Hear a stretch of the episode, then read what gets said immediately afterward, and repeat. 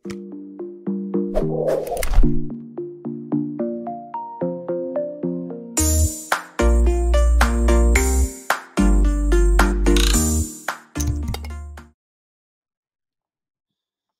bahagia kerabat desa Indonesia kembali lagi bersama saya Suryo Koco Suryo Putra dalam Kepoin Desa.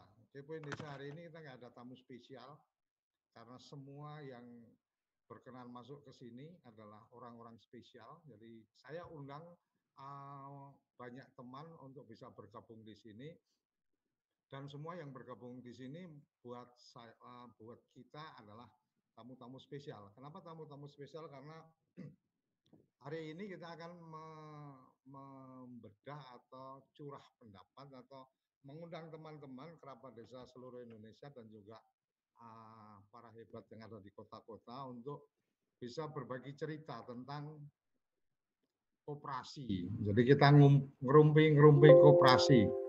Kita akan ngerumpi-ngerumpi koperasi, kita akan uh,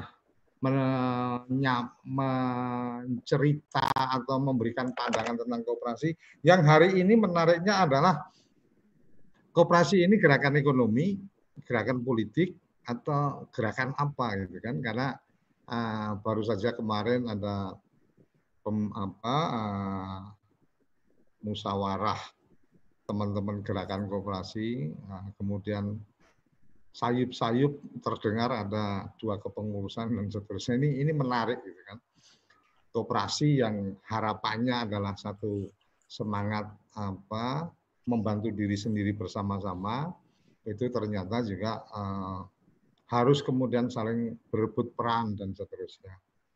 Ingat saya dengan salah satu cerita bahwa pendiri bangsa ini pun dulu pada saat menyepakati Bung Karno sebagai presiden itu tidak pernah dalam konteks Bung Karno menawarkan diri, tetapi kemudian yang lain menganggap Bung Karno yang paling pantas umpamanya seperti itu. Artinya memilih pemimpin justru tidak kemudian harus menyodorkan diri, tapi kemudian dari para pihak itu yang kemudian me, apa, mempercayakan. Nah, koperasi tanggal 12 besok eh, Hari Koperasi Nasional. Kemarin kita sudah mencoba membedah Hari Palapa tanggal 12 besok Hari Koperasi Nasional, Alhamdulillah kami uh, berencana TV Desa mulai jam 7 pagi sampai jam 3 sore itu akan live seharian ngomongin koperasi. Dan uh, beberapa tokoh atau beberapa orang sudah memberikan apa pendapatnya atau pandangannya tentang koperasi uh, sudah di typing nanti kita akan tayangkan. Hari ini pagi ini kalau ada teman-teman yang ingin menyampaikan pendapat karena besok nggak bisa ikut kemudian typing bisa juga uh, melalui media ini kita langsung apa kita langsung rekam untuk kemudian nanti akan diedit oleh apa teman-teman kru. Nah, yang kemudian kami perlu sampaikan adalah kenapa tuh dari jam 7 sampai jam 3 karena Hari Koperasi 2020 itu genap 73 tahun. Kemudian apa saja yang ada di situ? Yang ada di situ rencana insya Allah teman-teman dari Infinite 88 itu dari jam 1 sampai jam 3 itu akan membuat membuat gelaran acara tentang koperasi dan secara khusus informasi kami sudah dapatkan bahwa uh, sudah ada uh, konfirmasi Menteri Koperasi akan hadir jadi apa akan hadir mengisi acara apa ah, mengisi acara dari teman-teman. Jadi saya harapkan teman-teman nanti bisa bergabung, uh, kerabat desa bisa bergabung untuk mengikuti uh, perkembangan terakhir. Ada apa dengan apa kooperasi kita. Ini uh, sesuatu yang luar biasa menurut saya. Kemudian ada juga yang uh, sudah bergabung di sini, ada Mas Mukoam, selamat pagi Mas Mukoam, ada Mas Wahyu, Mas Wahyu yang rencana besok jam 10 sampai jam 11 hari Minggu akan mencoba menginisiasi satu apa segmen tentang milenial berkooperasi. Jadi idenya kayak apa karena kebetulan Mas Wahyunya sudah gabung apa eh, saya cap saya sapa dulu Mas Wahyu apa kabar? Baik, uh, selamat pagi Mas Suryo. Uh, kabar baik, ketemu lagi di uh, TV Desa. Uh, iya, kemarin iya. saya nyelonong di acara satelit yang hmm. sekarang uh, diundang lagi nih masalah anak-anak milenial. Harus harus selalu ikut karena harus selalu memberikan edukasi apa tentang desa. Mas Mukoam Sugeng Enjang, selamat pagi, sudah bergabung. Terima kasih sekali Mas Mukoam. Uh, Mas Wayu, idenya apa nih jam 10 jam 11 hari Minggu besok?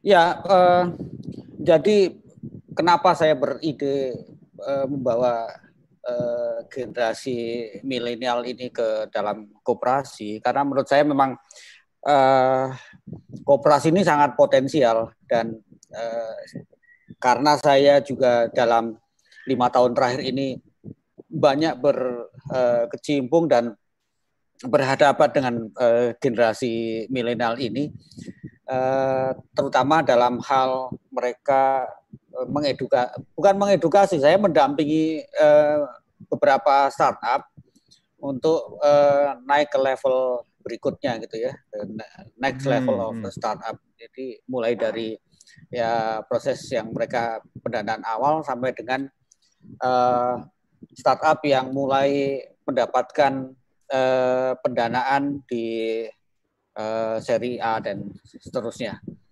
Jadi eh, sangat menarik menurut saya eh, kalau misalnya startup-startup yang eh, sejenis ini kan sebenarnya hampir sama dengan eh, misi operasi zaman dahulu.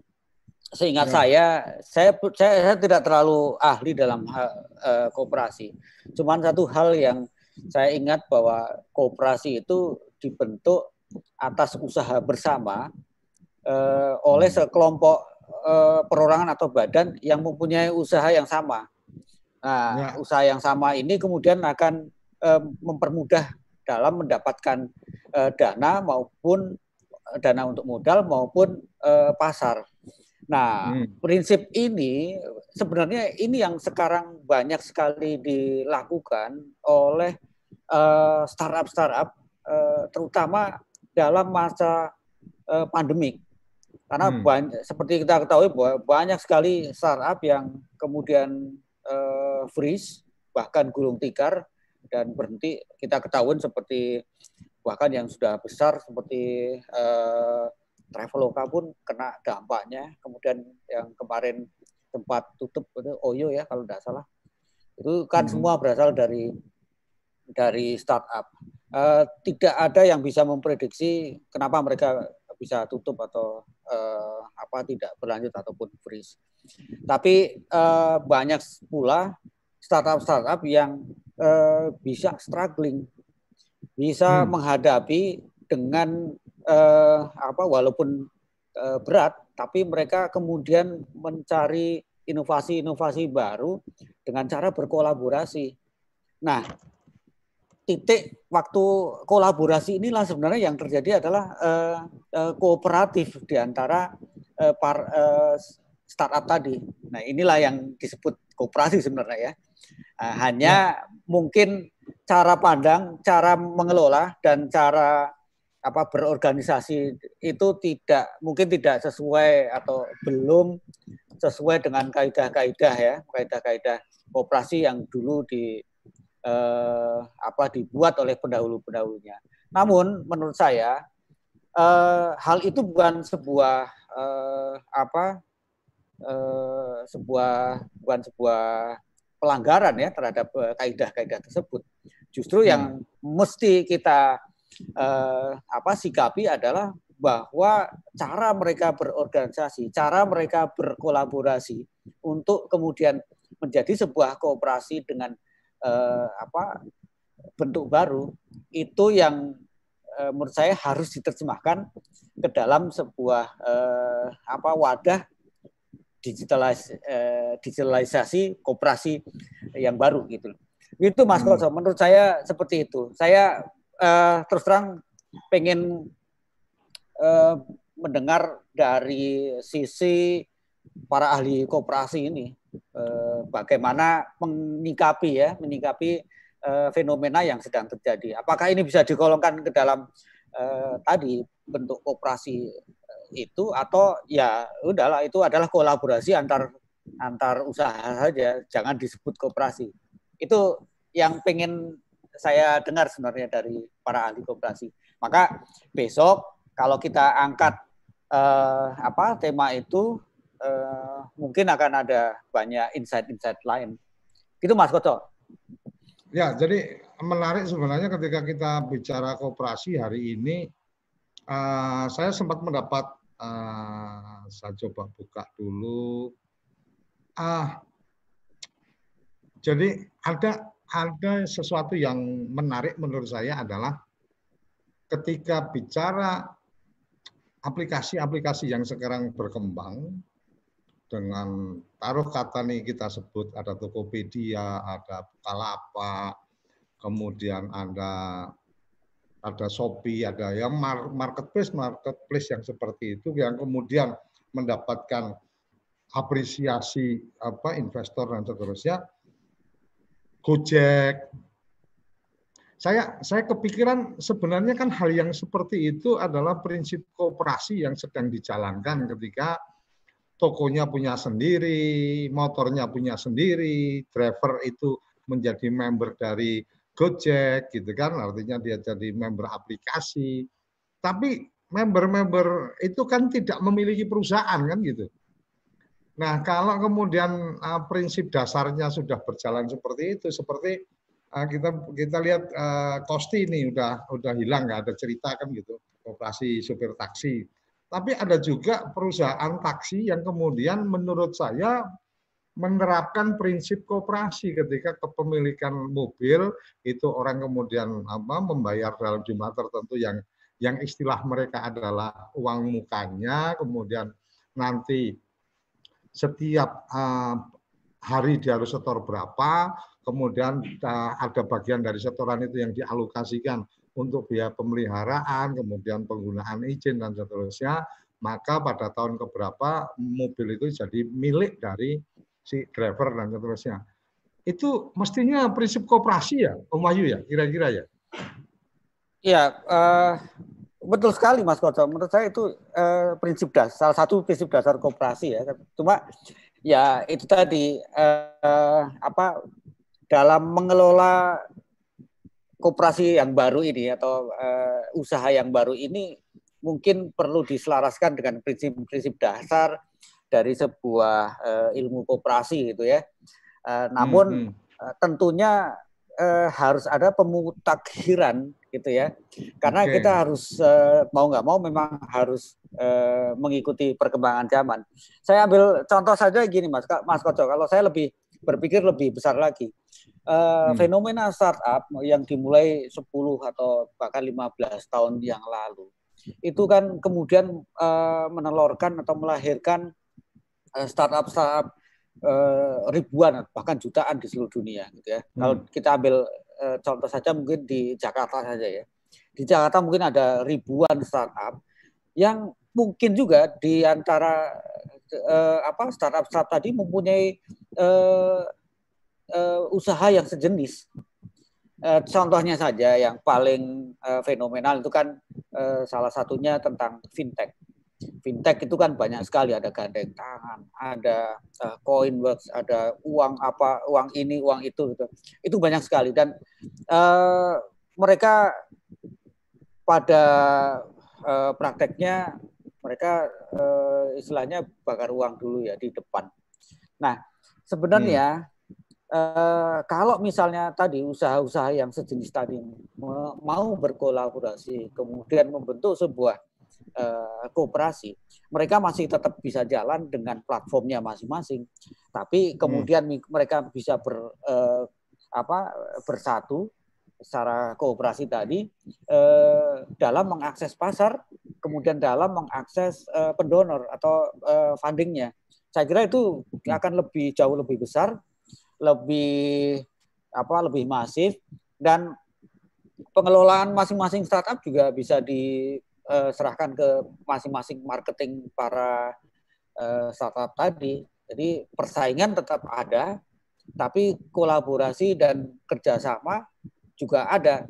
Nah ini eh, apa kooperasi-kooperasi yang eh, prinsip-prinsip kooperasi seperti inilah yang kemudian eh, harus diselaraskan dengan eh, prinsip-prinsip kooperasi yang dulu awalnya dibuat gitu ya. Saya terus terang pengen sekali itu apa eh, melihat kosti-kosti yang baru, kemudian eh, apa itu yang kooperasi-kooperasi yang besar yang dulu mas. Sekarang kan sudah nggak ada kabarnya nih. Dan satu hal yang menurut saya perlu di apa digaungkan eh, saat ini bahwa eh, mungkin karena apa ya eh, hilangnya kooperasi-kooperasi besar itu menjadi eh, menjadikan anak-anak milenial skeptis terhadap eh, prinsip-prinsip kooperasi itu. Atau mungkin perlu pembelajaran yang lebih lebih uh, apa baru atau uh, itu tadi apa pemutakhiran prinsip-prinsip gitu ya secara prinsip hmm. ada tapi pelaksanaan dari prinsip-prinsip kooperasinya itu menurut saya itu mas mas Koto ya yang yang menarik juga sebenarnya adalah isu yang terakhir ini apa bukan isu lah, informasi yang terakhir ini. Aku nggak ngerti Om Wahyu sempat mengikuti apa enggak gitu kan.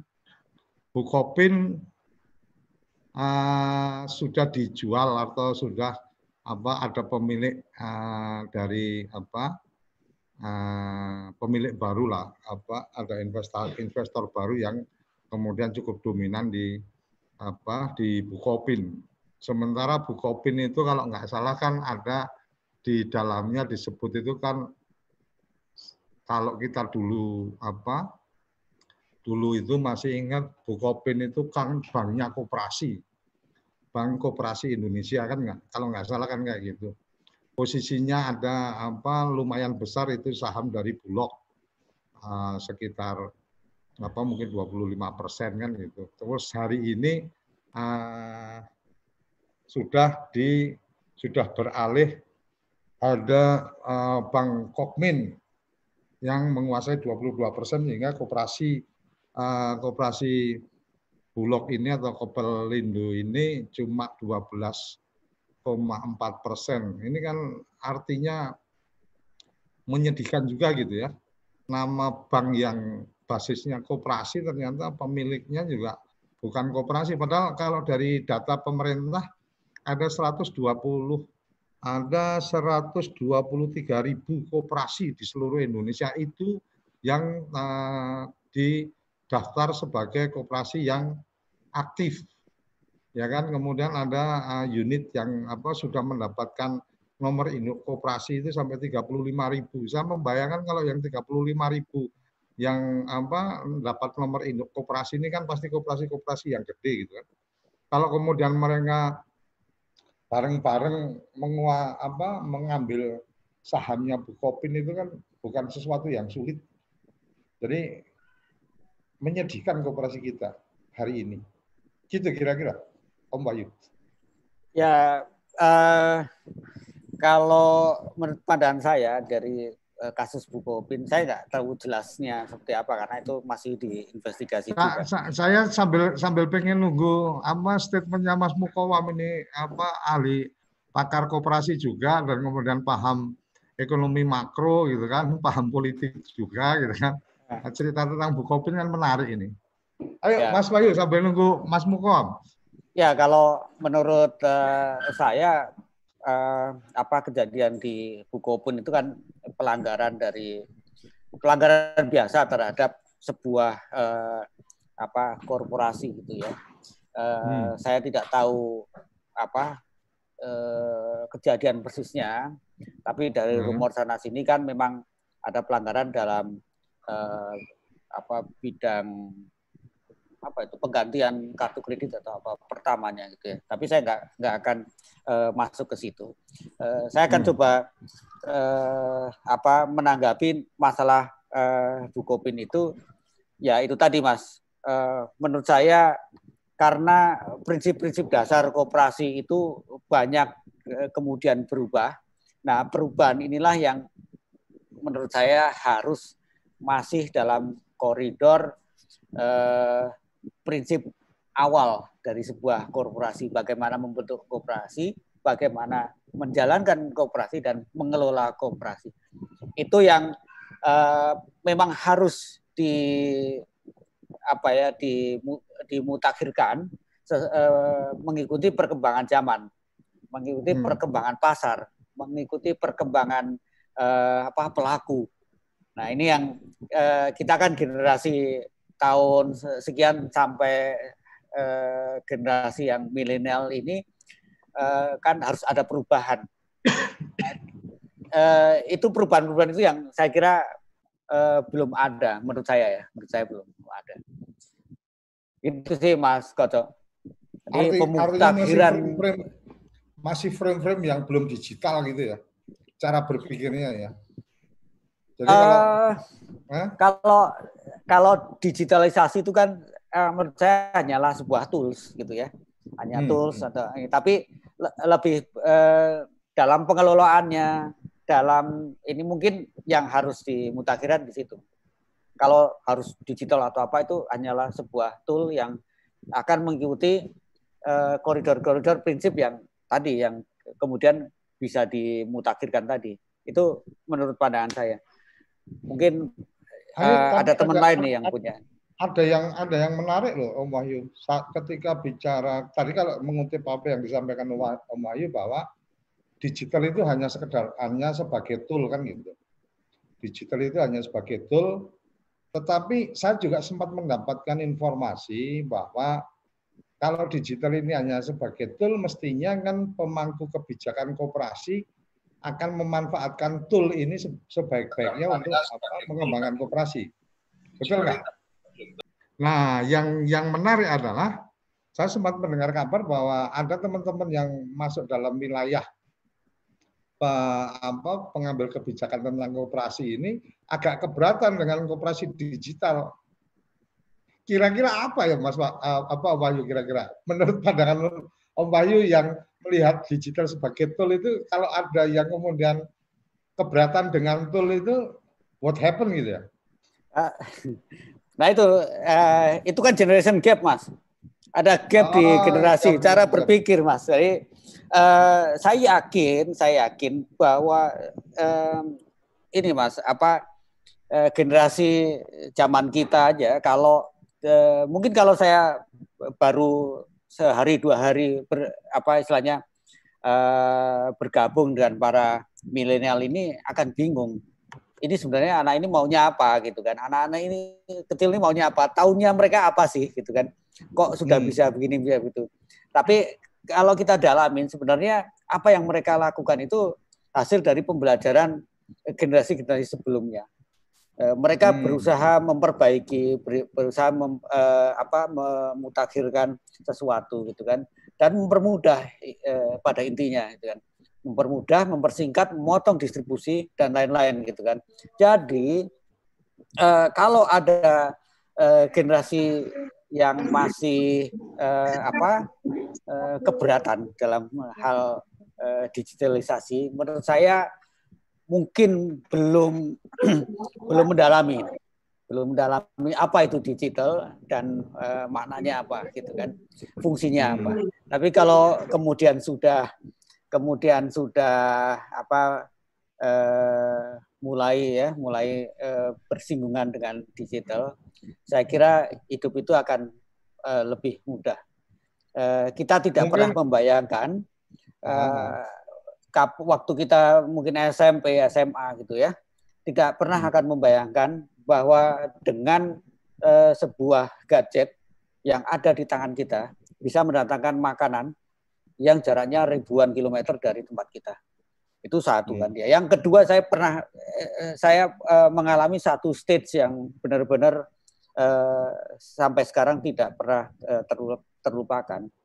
Ketika saya membawa telepon seluler pertama kali pulang hmm. ke rumah dan minta tolong dibukakan karena bel eh, pagar itu mati. Jadi hmm. saya telepon ke rumah dari depan rumah. Saya bilang bahwa saya ada di depan rumah. Eh, tidak ada satu orang pun saat itu eh, yang percaya bahwa saya ada di depan rumah. Karena hmm. mana mungkin eh, apa orang bisa telepon dari de, eh, depan rumah gitu kan.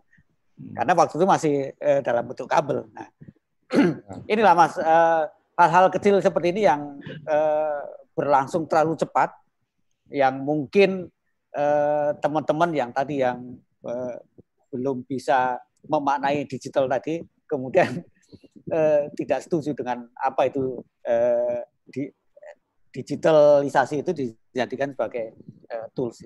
Saya kira gitu Mas, Mas Koco. Ini ada masih Mas, anu ya, masih masih apa?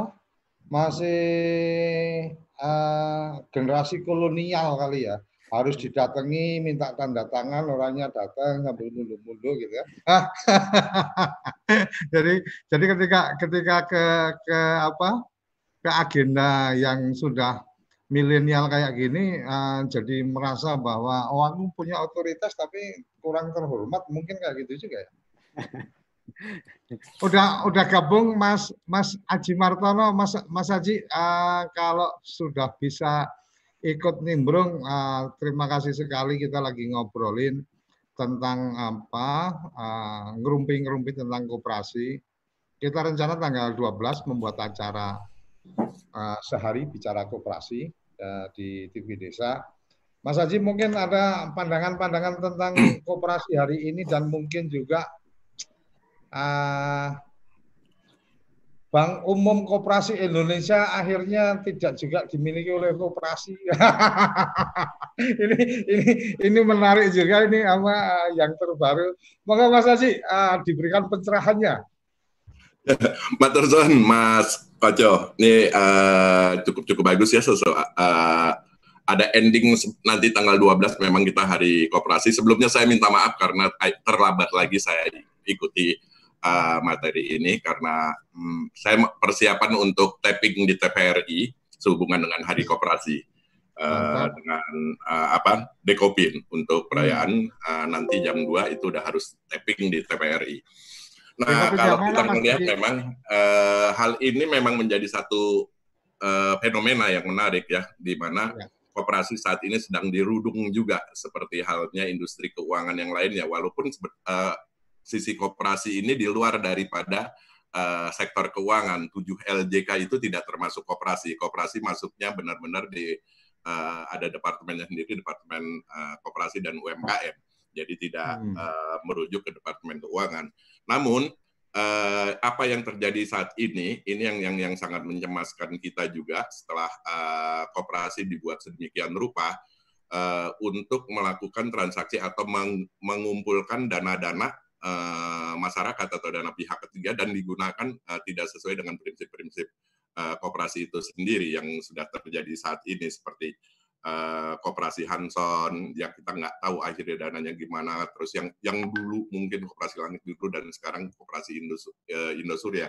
Ini yang menjadi keprihatinan kita bersama. Tapi satu sisi banyak koperasi-koperasi juga yang memang terdaftar dan melakukan aktivitas perkoperasian di Indonesia ini yang sesuai dengan uh, kaidah dan mekanisme dari koperasi itu sendiri. Seperti halnya yang di Tangerang, asetnya itu sangat luar biasa hingga di atas 5 triliun, termasuk yang di Jawa Timur, uh, itu hampir 13 triliun, dan banyak. Belum lagi bagaimana Ecopontren uh, terus uh, memberikan literasi uh, perkooperasian ke koperasi-koperasi pondok pesantren sehingga bagaimana akhirnya koperasi ini juga benar-benar bisa menjadi satu salah satu sokol guru perekonomian. Nah, di ngelihat uh, fenomena ini semua, mungkin kita ngelihat dulu di Orde Baru uh, memang dengan susah payah melalui Bulog Badan Usaha Milik uh, Logistik yang sudah diceritakan Mas Surya Koco membuat yang namanya Bank Umum Koperasi dan kepemilikannya ini adalah ada input dan lain sebagainya masuk di dalam ke apa pemegang saham.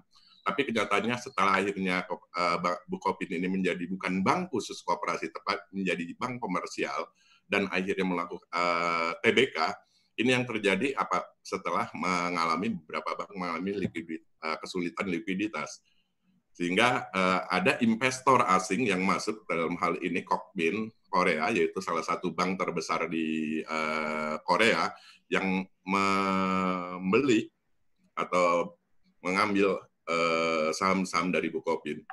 Nah, saat ini memang sedang sedang sedang berjalan dan BN, eh, BRI Bank Rakyat Indonesia maupun BNI saat ini menjadi asistensi untuk penyelenggaraan uh, apa untuk apa ini Bukopin penyelenggaraan uh, uh, take Bukopin ini yang akhirnya baru akhirnya sekarang orang banyak teriak bagaimana rasa nasionalisme itu timbul dari uh, sisi koperasi dan lain sebagainya. Tapi tadi pertanyaan yang menarik dari Mas Wahyu, kira-kira bagaimana sih kalau Bukopin ini udah nggak ada ya sekarang kita udah karena ini kepemilikan dan itu salah satu daripada definisi saham adalah investasi, investasi jangka panjang dan uh, resiko daripada uh, satu perusahaan terbuka apabila ada yang melakukan take over dengan melakukan pembelian uh, saham melalui penerbitan efek terlebih dahulu atau right issue ini bisa menambah ke, uh, jumlah kepemilikan sehingga saham-saham retail yang dimiliki koperasi ini akan terdilusi dengan sendirinya. Apa yang harus dilakukan? Apakah uh, pihak koperasi-koperasi di Indonesia dalam hal ini Dekopin juga tidak bisa membuat atau membeli bank itu semua? Sebenarnya bisa. Sebenarnya hmm. bisa, tapi satu sisi yang sudah terjadi ya biarin, tapi kita harus buat main uh, mindset atau mainstream baru uh, apa garis-garis uh, besar haluan perkoperasian di industri perbankan. Karena hmm. biar bagaimana simbiosis mutualisme antara perbankan dan koperasi ini harus nyambung. Apa yang terjadi di Kospin Jasa yang sebelumnya hanya ada di Pekalongan dan sekarang menjadi 100 besar uh, koperasi terbesar di dunia untuk uh, simpan pinjam, ini ini yang yang yang juga harus bersinergi dengan pihak perbankan karena dana pihak ketiga yang ditaruh di koperasi tersebut tetap harus dikelola dan ditaruh uh, dananya tersebut di pihak perbankan. Ini yang yang yang jadi sangat-sangat mungkin apabila uh, koperasi yang ada di Indonesia bersinergi semua eh, melalui Dekopin PP pimpinan paripurna Dekopin maupun Dekopin Will di wilayah ini mau bersinergi untuk memajukan kooperasi Indonesia, sangat-sangat mungkin bahwa kita juga akan benar-benar bisa memiliki bank kembali uh, yang benar-benar murni keperuntukannya adalah untuk memajukan industri perkooperasian di Indonesia. Itu yang dinendan Art, satu sisi. Art, artinya artinya lebih dominan pada goodwill ya Mas ya? Ya, betul. Goodwill para para para shareholder dari uh, gerakan koperasi itu sendiri untuk kemudian bagaimana apa memposisikan koperasi dalam apa uh, percaturan bisnis gitu kan kira-kira. Ya betul. Dalam diskusi-diskusi kita juga pembahasan ini ya karena miris pembahasannya sehingga akhirnya juga lari emang bagaimana uh, kita sebagai insan-insan koperasi pada akhirnya juga bisa memiliki yang namanya uh, bank sendiri. Itu yang yang diingin karena uh, terlalu rumit juga saat ini. Industri uh, keuangan di Indonesia emang sedang dirudung satu masalah dan sambung menyambung ditambah dengan COVID-19 ini.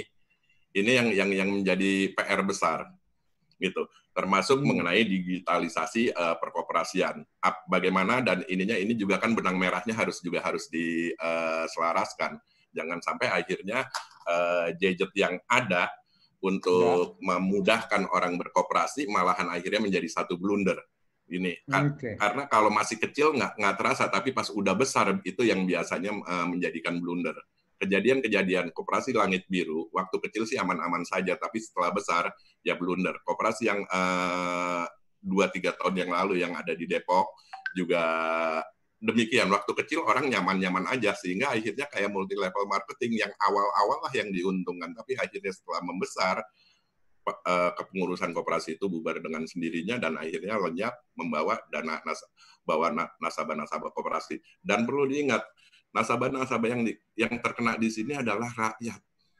Itu yang yang diinginkan karena koperasi keperuntukannya itu memang untuk uh, middle low untuk rakyat bawah. Bagaimana tadinya koperasi ini prosesnya adalah dari, oleh, dan untuk kita semua. Sehingga pola pengelolaan koperasi inilah yang harus bagaimana bisa disejajarkan. Walaupun sekarang udah era digitalisasi, tetap saya bilang, saya saya saya uh, dalam rapat-rapat di Kopin juga minta bahwa literasi koperasi tetap harus uh, terus digelorakan. Pembelajaran uh, perkoperasian di tingkat sekolah mungkin sejak sekolah dasar, bukan sekolah di tingkat sekolah SMA, uh, ekop itu ekonomi koperasi.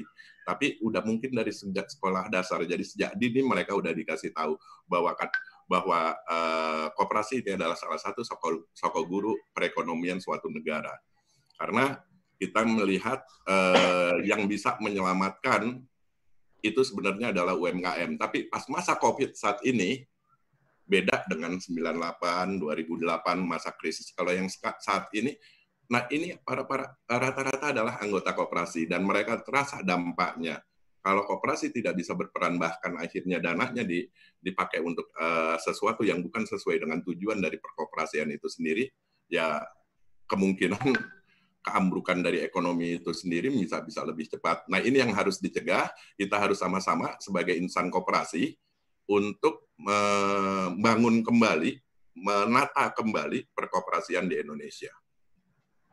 Mas Haji, uh, yes. tadi Mas Haji sempat menyampaikan ada rencana agenda untuk apa uh, di Kopin. Kemudian cerita tentang bagaimana koperasi-koperasi yang kemudian uh, anggotanya menjadi korban langit biru kah, apakah uh, yang tadi disebutkan dan seterusnya. Padahal menurut uh, um, nggak pakai padahal nih. Menurut saya peran hmm. Dekopin kan salah satunya itu peran Dekopin sebagai wadah organisasi gerakan koperasi salah satunya kan ketika ada koperasi yang mungkin quote unquote ada potensi bermasalah atau ada sesuatu yang kayaknya ini akan ada uh, ada potensi untuk apa untuk apa uh, masyarakat kena dampak karena ber, menjadi anggota tergiur dengan apa janji-janji bunga yang tinggi dan seterusnya yang dalam tanda petik itu sesuatu yang tidak rasional. Dulu pernah juga ada yang apa untuk penggemukan sapi atau apa dan seterusnya. Ketika kemudian itu terdeteksi dari media dan seterusnya Dekopin mestinya lebih proaktif untuk kemudian apa melakukan evaluasi atau melakukan pembinaan atau setidaknya memastikan bahwa oke okay, ini recommended, oh ini Anda harus hati-hati dan seterusnya. Apa ya. kabar sebenarnya di Kopin kita ini, Mas? Ya benar ya. Cuma satu sisi Mas Kojo. Uh, posisi Dekopin ini hanya menjadikan satu wadah bagi seluruh eh, koperasi-koperasi uh, yang ada di uh, Indonesia melalui uh, satu bagian organisasi. Sebenarnya kalau misalnya uh, dan wadah ini menempatkan orang-orang atau insan-insan koperasi uh, Indonesia. Sebenarnya memang akhirnya bisa menjadi uh, membentuk satu produk de, uh, regulasi dan kebijakan-kebijakan apabila hmm. ada Eh, koperasi-koperasi yang mulai nakal. Tapi yang perlu diingat Mas Koco, kejadian-kejadian ini biasanya mereka itu bukan anggota. Jadi akhirnya deteksinya. Nah, ini yang yang yang harus di ini kan bagaimana perizinan uh, koperasi dan lain sebagainya, Tapi terutama kan, apabila Mas yang sorry, aku potong Mas Haji. Ah. Mas Haji, sorry aku potong. Uh, mm -hmm. Mereka bukan anggota. Oke, mereka bukan anggota di Kopin, tetapi bahwa di Kopin sebagai satu-satunya wadah gerakan kooperasi. Seingat saya masih satu-satunya wadah ya. Satu-satunya wadah gerakan kooperasi ketika kemudian mendeteksi seperti apa eh, mendeteksi ada potensi-potensi seperti itu kan punya hak juga untuk kemudian apa melakukan komunikasi lah minimalnya untuk kemudian aku pengen penjelasan nih kooperasi kamu menawarkan yang kayak gini logiknya dari mana dan seterusnya. Ya. Bisa enggak? Ya harus harus harusnya memang demikian uh, dan itu hmm. yang yang memang di, sedang diupayakan agar Dekopin mempunyai uh, hak prerogatif untuk itu. Biar bagaimana kalau misalnya segala sesuatu sudah diserahkan kepada ahlinya itu yang paling tepat. Tapi kalau oh. misalnya ini saat ini kan kebingungannya mereka lari misalnya ada uh, kebobolan dan lain sebagainya larinya ke otoritas jasa keuangan. Jas, otoritas jasa keuangan OJK dalam hal ini bilang ini bukan ranah kami jadi akhirnya yang kena ini yang bawah. Nah, mereka mau lari ke Dekopin, mungkin kita bilang, waduh, uh, kita harus sisir dulu apa dan bagaimana. Nah, ini uh, semuanya ini harus dibuat serapih mungkin by system. Balik lagi by system. Kalau misalnya memang semuanya sudah terdata, semuanya sudah bisa di uh, Dekopin membuat uh, akan membuatkan sistemnya untuk bagaimana mendeteksi koperasi-koperasi menjalankan sesuai dengan prinsip perkoperasian itu sendiri. Tapi kalau yang uh, saat ini yang yang enggak kan yang akhirnya nakal-nakal, yang koperasi dibuat memang sebagai underlying untuk hmm. menjalankan suatu bisnis lain di luar koperasi, gitu. Itu yang oh. sebenarnya koperasi artinya, itu artinya koperasi sebagai penggalang dana, kemudian bisnisnya di luar koperasi. Betul, Mas Koco. Itu oh. yang yang yang terjadi yang uh, kebanyakan sehingga uh, ini yang yang harus disikapi bukan bukan bukan pas sudah pecah tapi bagaimana waktu pengelolaan ini dilakukan misalnya uh, fit and proper test. Saat ini kita juga udah udah ada LSP perkoperasian sehingga bagaimana mereka juga harus tersertifikasi uh, untuk menjadi pengurus daripada koperasi. Ini yang menarik dan oh. ini memang nggak nggak nggak bukan bukan waktu cepat tapi kita harus menghimpun seluruh komponen yang ada dari sisi departemen uh, apa kooperasi dan UMKM, dinas kooperasi dan lain sebagainya ini harus guyup bisa menyelaraskan yang pasti literasi kooperasi ini harus terus digelorakan dan harus uh, sampai ke uh, rakyat dalam hal ini adalah anggota-anggota kooperasi itu sendiri karena kan kooperasi kita tahu sendiri kooperasi itu kan bukan pemilik satu orang dua orang tapi anggota yang uh, pemilik dari kooperasi itu sendiri Mas Koco.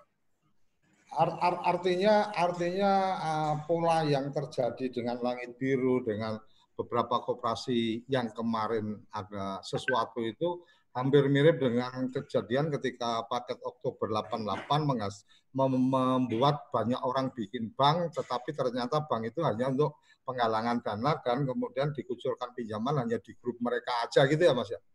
Kira-kira ya Mas? Ya, itu itu ya sehingga uh, ada batas minimum juga yang harus dilakukan bagaimana uh, para pemegang saham dalam suatu PT apa atau apa apa apalagi di industri keuangan. Tapi karena ketatnya mungkin akhirnya industri keuangan mereka ya istilahnya Mas Kocok, mereka udah udah udah udah tahu ada satu sisi yang yang bisa lebih menarik juga bisa menghimpun dana pihak ketiga dalam hal ini masyarakat yaitu dalam bentuk kooperasi. Ini yang peralihannya setelah kasus uh, banyaknya bank-bank yang berdiri terus di order baru akhirnya terkena crash sehingga hmm. ada kucuran BLBI dan lain sebagainya itu pun akhirnya dibawa uh, lari keluar. Mereka masih berusaha bermain untuk mendapatkan dana murah dari masyarakat. Udah dengan tidak membuat bank tapi membuatnya koperasi. Ini yang yang yang yang ya, benar-benar jadi jadi mereka benar-benar pengusaha ya, mencari ah, cara untuk apa pun diusahakan. oke oke, luar luar biasa. Ma, Mas Haji, mungkin uh, terkait dengan apa yang tadi disampaikan Mas Wahyu tentang pengen juga nih belajar tentang bagaimana apa uh, milenial juga tertarik dengan koperasi, bagaimana apa potensi-potensi uh, anak-anak muda yang sekarang juga sudah masuk di wilayah digital mereka sudah selalu berpikir tentang bagaimana kolaborasi, bagaimana sinergi dan seterusnya. Padahal kalau kita bicara sinergi dan kolaborasi itu kan esensi dasar dari apa kita berkooperasi. Nah, cuma saya melihat atau mungkin Mas Wahyu melihat atau Mas Wahyu bisa langsung apa uh, memberikan apa responnya silakan. Saya melihat ada ada posisi di mana uh, di mana anak-anak muda sekarang cenderung apa ya risi atau jijik lihat kooperasi atau mungkin nggak tertarik lihat kooperasi apa karena kemasannya yang kurang menarik atau melihat yang jadi pengurus kooperasi udah orang tua-tua gitu atau gimana? Kalau menurut Mas kalau menurut Mas Haji apa nih? Uh, treatment yang mungkin menarik coba didorong bahwa anak muda ya bangga berkooperasi gitu. Oke Mas Haji. Ya, memang kalau kita ngelihat sekarang udah udah udah udah banyak uh, apa industri koperasi ini jadi jadi satu itu satu industri yang menarik. Banyak uh, startup startup yang pada akhirnya juga mengalihkan industri, uh, salah satu industrinya ini di koperasi. Tetap dan ini adalah tugas kita untuk tetap mengawasi. Jangan sampai akhirnya uh, kesalahan yang kemarin itu selalu terulang setelah besar baru jadi jadi jadi masalah jadi dari awal hmm. sehingga dari sisi perizinan bagaimana melakukan startup atau digitalisasi koperasi itu juga harus uh, sesuai. Pelaporan dari uh, kantor apa kantor wilayah atau dinas koperasi dari departemen uh, koperasi dan UMKM ini harus tersinergi juga. Uh, ini yang juga terus kita terapkan karena uh, apa namanya kita ada beberapa contoh yang misalnya emang bisa dijadikan uh, barometer bagaimana koperasi yang sudah menjalankan dengan uh, digitalisasi atau koperasi uh, secara virtual. mereka bisa daftar dan lain Hmm. sebagainya. Nah, ini yang yang yang yang juga harus kita jaga karena kebiasaan eh, yang sudah-sudah tanpa ada aturan dan lain sebagainya akhirnya setelah besar blunder jadi satu masalah dan Hmm. kita selalu menyelesaikan suatu sesuatu itu setelah jadi masalah waktu belum ada masalah tenang-tenang aja nah ini yang yang yang yang harus juga dilihat Selalu jadi eh, pemadam kebakaran ya. Eh, Nah, in- nah ini yang yang jangan. Tapi bagaimana eh, akhirnya kita walaupun bukan otoritas eh, pemegang hak, tetapi juga bisa meng- eh, membantu jalannya eh, kegiatan dari perkoperasian di Indonesia itu sendiri.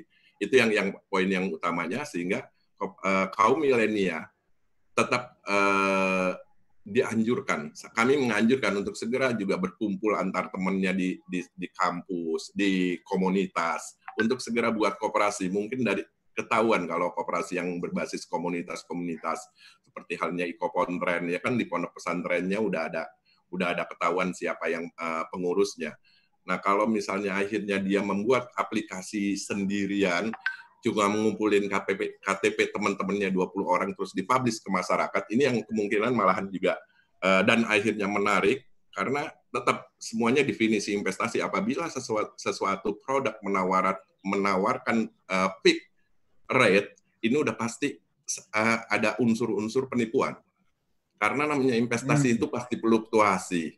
Dan kita ngelihat bahwa prinsip daripada koperasi itu tetap bagi hasil. Nah, kalau disyariahkan mudah robah sehingga fluktuasi dari ini dan pendapatan uh, terbesar atau uh, bagi hasil tersebut diberikan juga kepada ke, dikembalikan lagi kepada anggota yang memang misalnya kalau simpan pinjam yang paling gemar minjam itu akan mendapatkan hak atau pembagian yang pasti lebih besar karena emang Lebih uang banyak. dia yang lebih banyak mengembalikan dana-dana yang terus diputar oleh koperasi itu sendiri.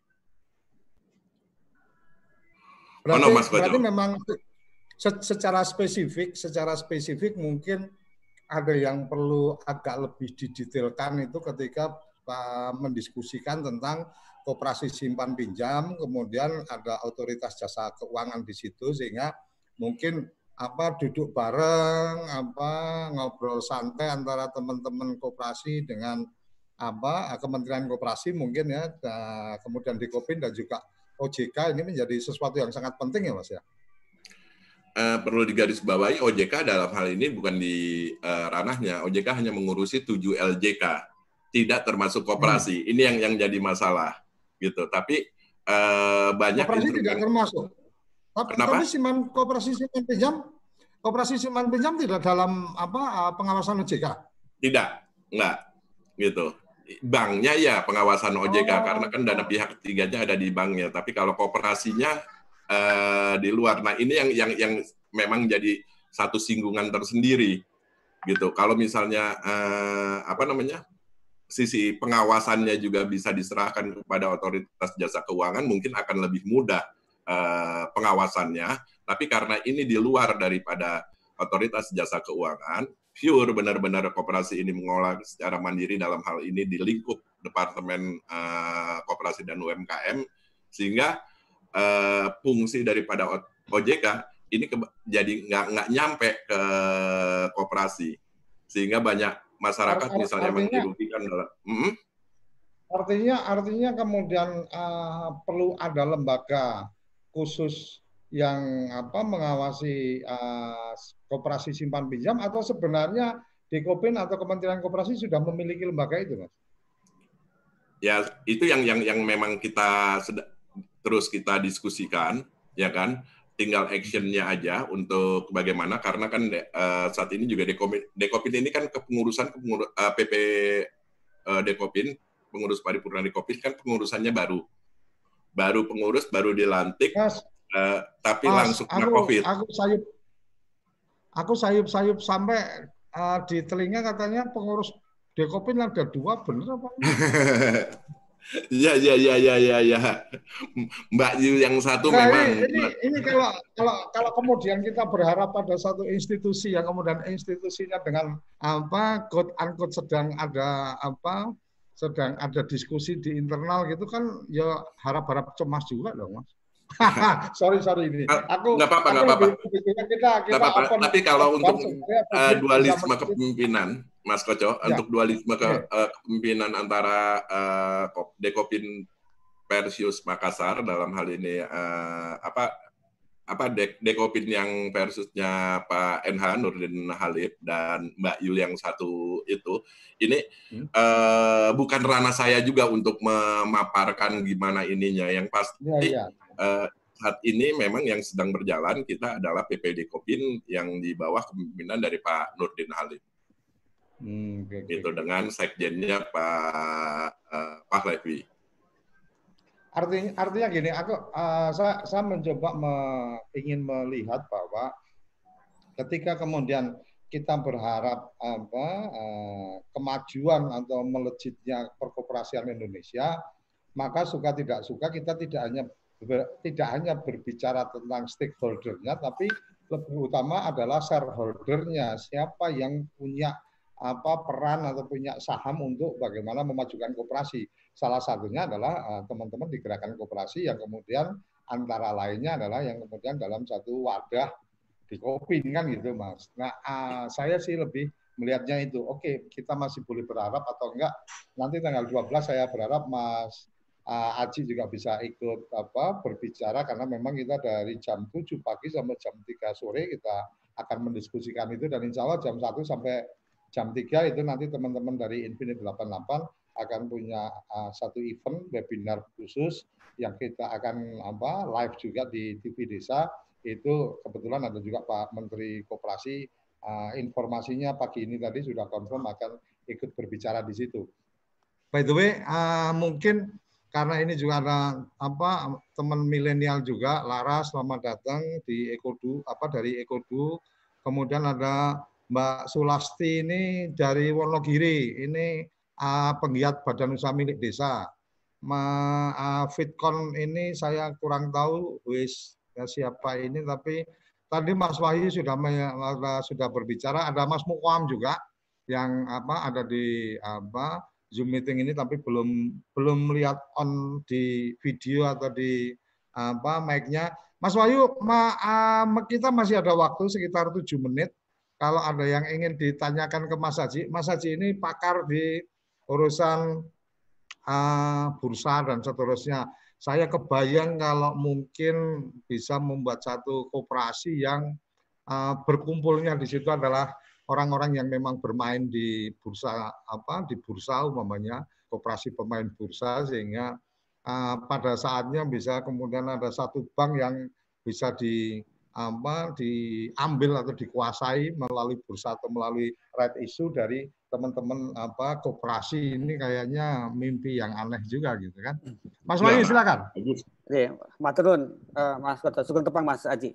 Uh, ya. Saya pengen menggaris bawahi tadi Mas mengenai uh, wadah atau organisasi dari para pengurus yang uh, ngurusin koperasi Indonesia nih ya, di COVID ini yang uh, kalau menurut saya segala macam carut marut di uh, apa organisasi ini kadang itu tadi mas yang membuat uh, sikap para anak-anak muda ini kemudian menjadi skeptis terhadap uh, apa sih itu uh, apa eh, kooperasi gitu kan. Kita sudah melakukan prinsip-prinsip dasar eko, eh, kooperasi dalam eh, menjalankan usaha, tapi eh, yang mau ngatur saya gitu kan, kalau saya kemudian membentuk kooperasi, eh kok ya eh, apa malah eh, bertarung sendiri gitu kan.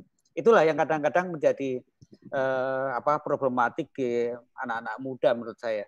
Nah, eh, apa yang mau saya sampaikan Mas Aji sebenarnya eh, tadi Mas kolaborasi ke beberapa startup antar eh, atau dua atau tiga atau beberapa startup kemudian eh, me, apa istilahnya menjalankan prinsip tadi eh, bagi hasil itu sudah kita jalankan cuman ya eh, belum membentuk sebuah wadahnya gitu kan nah inilah yang menurut saya tugas dari eh, sebuah organisasi yang membawai eh, kooperasi-kooperasi dan saya kira eh, banyak sekali, Mas. Kalau misalnya eh, apa ada pendidikan atau pengetahuan dasarnya yang bisa disampaikan kepada para milenial ini, karena pada dasarnya kan memang si milenial-milenial ini kan juga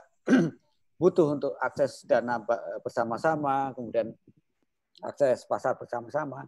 Yang kalau diterjemahkan dalam bahasa kita, bahasa eh, generasi kita mungkin ya itu tadi kooperasi itu. Eh, moga mas, eh, saya pengen pengen ada sedikit eh, apa ya statement dari Mas Aji pencerahan, bagaimana pencerahan. sih ya pencerahan lah ya pencerahan bagaimana Ya. sih sebaiknya para milenial ini untuk memulai sebuah eh, kooperasi karena ya sebenarnya prinsip-prinsipnya sudah dilakukan tapi ya itu tadi belum dalam sebuah wadah kooperasi gitu. Ngaten Mas. Aji. Ya. Sun, Sun, Sun. Eh, ini Mas Wahyu sangat-sangat luar biasa. Saya bingung. Dia bentuk kegiatan mirip kooperasi tapi belum belum menjadi kooperasi. Ngono ya Mas? Ye. Ya, dan ini di, diaplikasikan dalam startup. Nah, ini yang yang juga salah satunya eh, bagaimana akhirnya jangan sampai salah kaprah. Maksudnya salah kaprah ini banyak hal eh, bikin lembaga dan lain sebagainya. Akhirnya dia melakukan praktek bank di dalam bank, yaitu mengelola dana- sama halnya mengelola dana pihak ketiga. Ini yang yang yang pada akhirnya kena benturan eh, peraturan atau apa undang-undang perbankan. Yang kedua, dia menginvestasikan dana pihak ketiga. Ini juga kena lagi benturan, benturan eh, undang-undang daripada manajer investasi. Yang ketiga dari prinsip perkoperasian gitu. Nah, ini juga eh, seharusnya mungkin sebelum di eh, di ini dibentuk juga badan usahanya, badan usaha perkoperasinya itu yang yang juga harus dibentuk. Eh, aplikasinya tapi di sini basisnya adalah aplikasi atau eh, virtual ini yang menarik dan ini memang banyak beberapa anak muda yang sudah men-set up dan eh, apa mulai eh, menjalankan industri ininya. Kalau di eh, apa namanya di yang baru kemarin ada launching Inkala kalau nggak salah ya di daerah eh, mana gitu. Itu juga basisnya adalah aplikasi. Tapi itu eh, bisnisnya benar-benar eh, aplikasi tersebut adalah koperasi. Itu yang yang mungkin para milenial juga bisa membaca literasi-literasi yang ada, walaupun itu sebenarnya adalah tugas kami, ya kan, untuk ini. Dan saya bukan atas nama Dekopina atau bukan ini, tapi atas nama Aji Martono emang mengajak bagaimana akhirnya generasi muda atau milenial juga untuk terjun ke industri ini. Karena satu-satunya yang yang bisa menyelamatkan eh, industri atau eh, sektor keuangan selain daripada industri ke- keuangannya itu sendiri adalah koperasi. Koperasi karena kan kepemilikannya udah udah jelas. Ya, syarat pendirian koperasi harus ada 20 KTP, disampaikan ke dinas koperasi sampai keluar izinnya, semuanya ada, langsung di, bisa diaplikasikan melalui koperasi eh, berbasis internet atau koperasi berbasis online. Tapi ada kepengurusan yang 20 orangnya ini dan selalu membuat laporan-laporan yang memang disyaratkan dal- eh, dalam berdirinya sebuah koperasi. Ngono Mas, jadi eh, kami saya pribadi sangat-sangat mensupport untuk para milenial ya. Ekode di sini kapan-kapan saya juga mau lah ngobrol-ngobrol lebih banyak karena saya juga baru lagi eh, berhubungan dengan eh, apa namanya satu koperasi milenial juga yang dibentuk dan itu online tapi basisnya masjid gitu. Eh, saya buat kop Majas, koperasi Majas berada di eh, depan stasiun kereta api eh, Bandung.